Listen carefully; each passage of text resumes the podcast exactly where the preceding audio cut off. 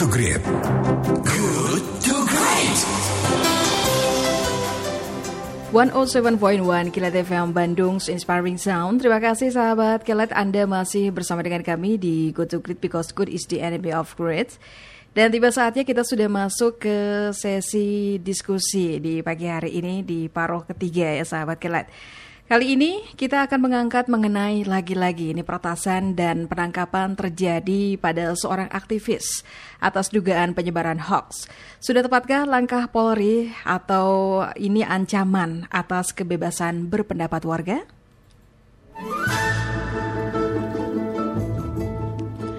Sahabat Kelet, baru-baru ini Polda Metro Jaya mengamankan seorang aktivis Raffio Patra, peneliti kebijakan publik dan pegiat advokasi legislasi terkait dugaan penyebaran hoax berisi anjuran menjarah.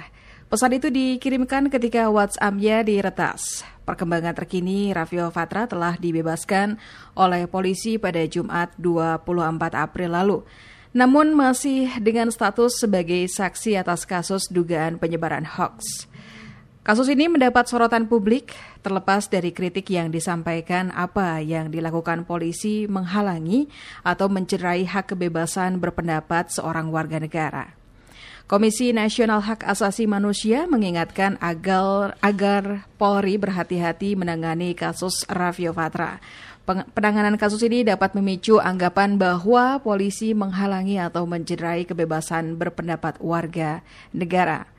Kasus bermula dari penangkapan Raffio pada Rabu 22 April lalu antara pukul 21.00 dan 22.00. Ia beberapa kali melontarkan kritik terkait penanganan pandemi COVID-19 dan juga kepada salah satu staf khusus Presiden. Raffio mengetahui bahwa aplikasi percakapan WhatsApp miliknya diretas pada Selasa tanggal 21 April lalu saat dia, uh, saat aplikasi itu meminta untuk mendaftar ulang. Nah, sahabat kredit Guna untuk membahas hal tersebut, kita akan menghadirkan narasumber yaitu Bapak Ardi Suteja, merupakan founder Indonesia Cyber Security Forum atau ICSF.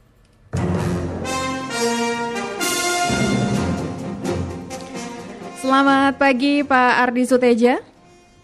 Selamat pagi Mbak Aska, sobat uh, Iya Pak Ardi, apa kabar Pak? Alhamdulillah, baik.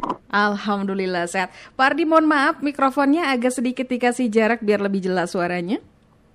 Oh ya, sudah sekarang gimana? Bagus. Oke, sepertinya ini ada kendala ini ya, uh, sinyal sedikit. Coba. ya, oke. -uh. Itu enggak uh, ini ya, ya. Ah, -uh, iya. Suaranya soalnya okay. kurang jelas, Pak. Ya baik sahabat kalian saat ini uh, terputus dengan Pak Ardi Suteja. Kita akan coba untuk kontak kembali ulang. Ter, uh, terjadi kendala teknis dan tadi ada sedikit kendala di sinyal sehingga suara Pak Ardi terdengar kurang jelas. Nah sahabat kalian kita pagi hari ini akan uh, membahas mengenai kasus penangkapan uh, seorang aktivis yaitu bernama Rapio Patra. Oke, saat ini uh, tim kami sedang berusaha untuk um, mencoba menghubungi kembali Pak Ardi Suteja. Bagaimana sudah terhubung kah? Iya. Oke, sahabat Klet. Dan juga uh, sejumlah kejanggalan pemeriksaan Raffio Fatra uh, versi pendamping hukum juga masih dicoba untuk ditemukan. Uh, Oke, bagaimana? Sudah siap? Sudah terhubung? Oke. Halo Pak Ardi. Apa, ya, Mbak Aska. Oke. Okay. terputus. Iya, nggak apa-apa, Pak. Nah, ini suaranya jelas, Pak. Jelas sekali. Oke. Okay. Ya, Pak Ardi. Pagi hari ini kita ngobrol sebentar, Pak Ardi. Ini uh, lagi-lagi ya, pertasan dan penangkapan terjadi pada seorang aktivis atas dugaan penyebaran hoax. Kali ini terjadi pada uh, Raffio Fatra. Ya, perkembangan terkini Raffio telah dibebaskan oleh polisi namun masih dengan status uh, sebagai saksi atau kasus dugaan penyebaran hoax. Nah, ini bagaimana tanggapan dari Indonesia Cyber Security Forum, Pak Ardi, silakan.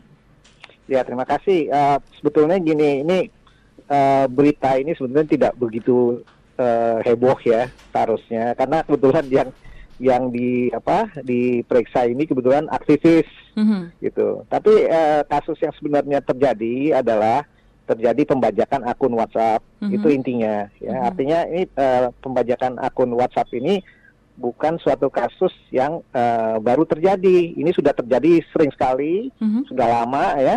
Bahkan saya eh, ingat eh, saya pernah nanganin juga kasus eh, serupa itu di tahun 2013 gitu. Mhm. Jadi eh, ini kebetulan karena yang ditangkap atau yang di apa diperiksa ini adalah seorang aktivis jadi heboh. Tapi sebenarnya kasusnya eh, yang eh, lebih eh, apa lebih- harus menjadi perhatian adalah eh, pembajakan akun WhatsApp-nya itu.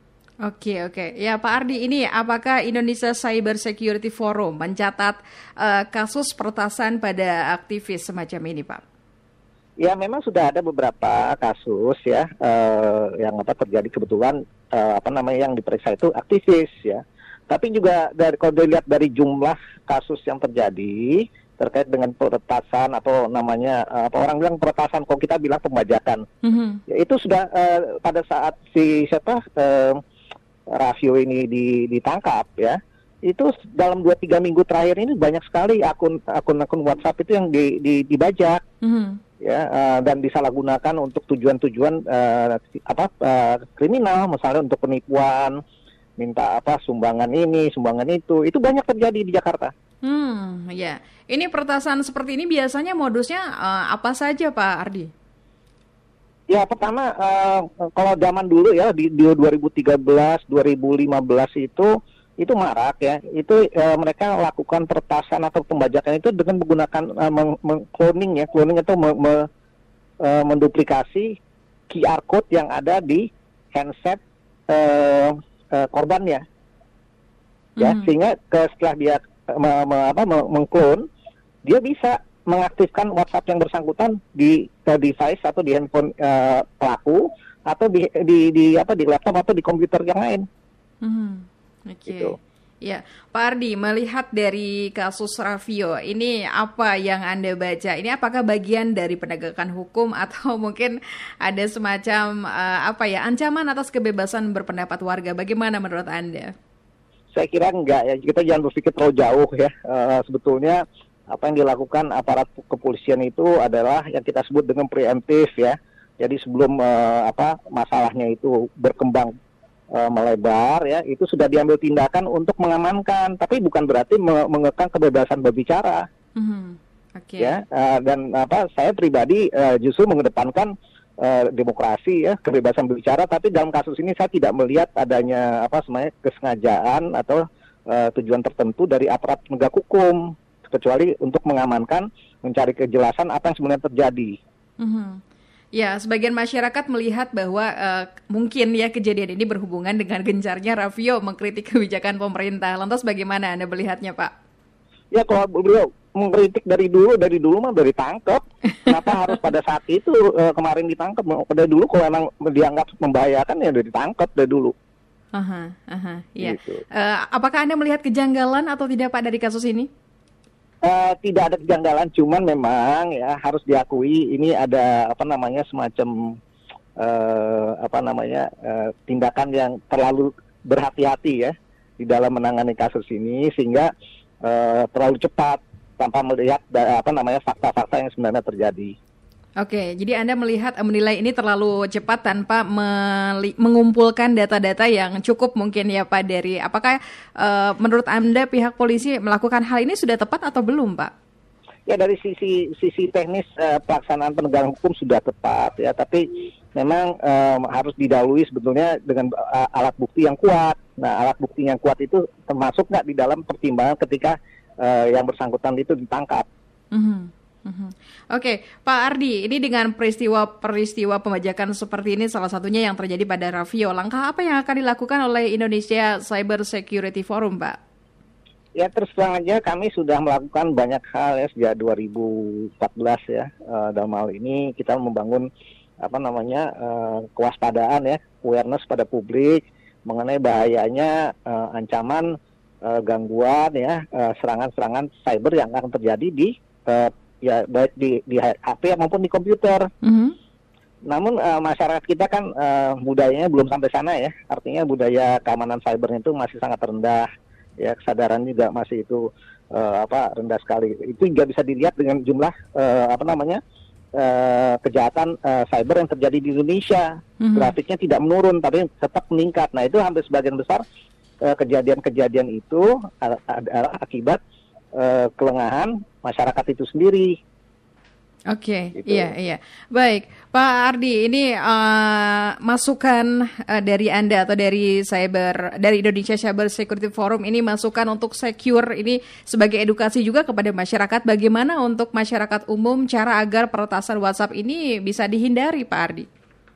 Ya pertama eh, tips saya selalu pertama yang saya, saya selalu eh, sarankan jangan sembarangan menggeletakkan eh, HP di sembarang tempat Mhm. dan ta- tanpa eh, apa eh, sistem pengamannya diaktifkan itu pertama karena di, dari kasus apa, eh, melihat dari kasus yang sudah terjadi sebelumnya Mhm. itu hampir sebagian besar eh, cloning cloning atau pembajakan itu dilakukan oleh orang terdekat Oh, oke. karena handphone itu tergeletak sembarangan dia bisa buka dia bisa copy QR code-nya selesai sudah Oh, gitu ya.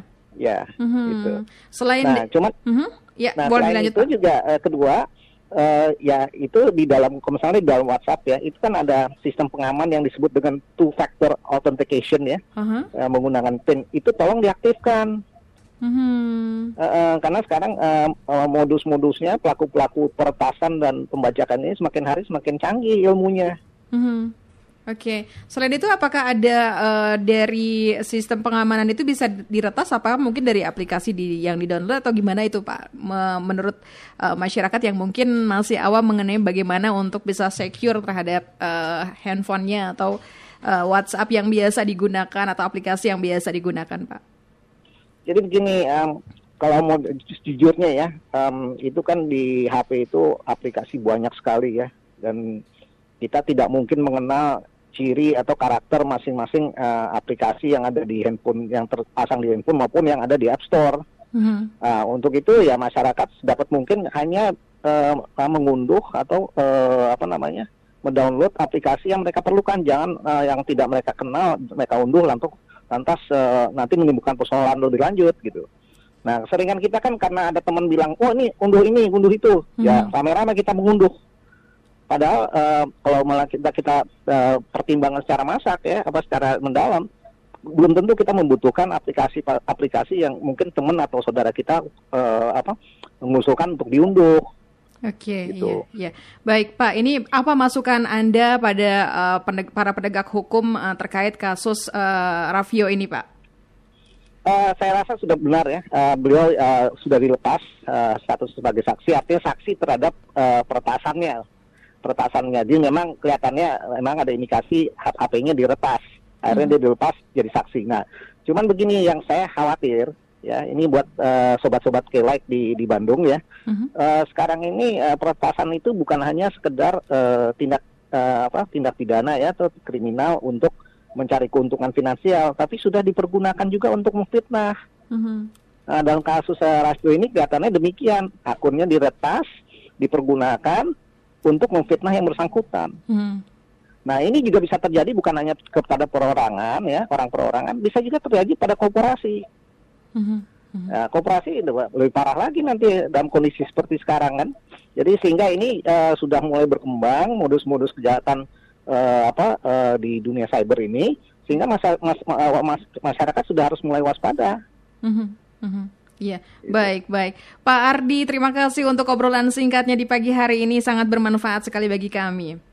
Baik, Ya, mudah-mudahan nanti kita ada waktu lagi untuk bisa mengobrol di sesi berikutnya ya Pak Ardi ya.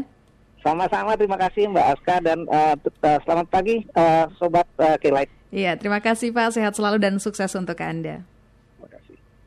Baik sahabat, kira demikian perbincangan kita bersama dengan Bapak Ardi Suteja yang merupakan founder Indonesia Cyber Security Forum atau ICSF.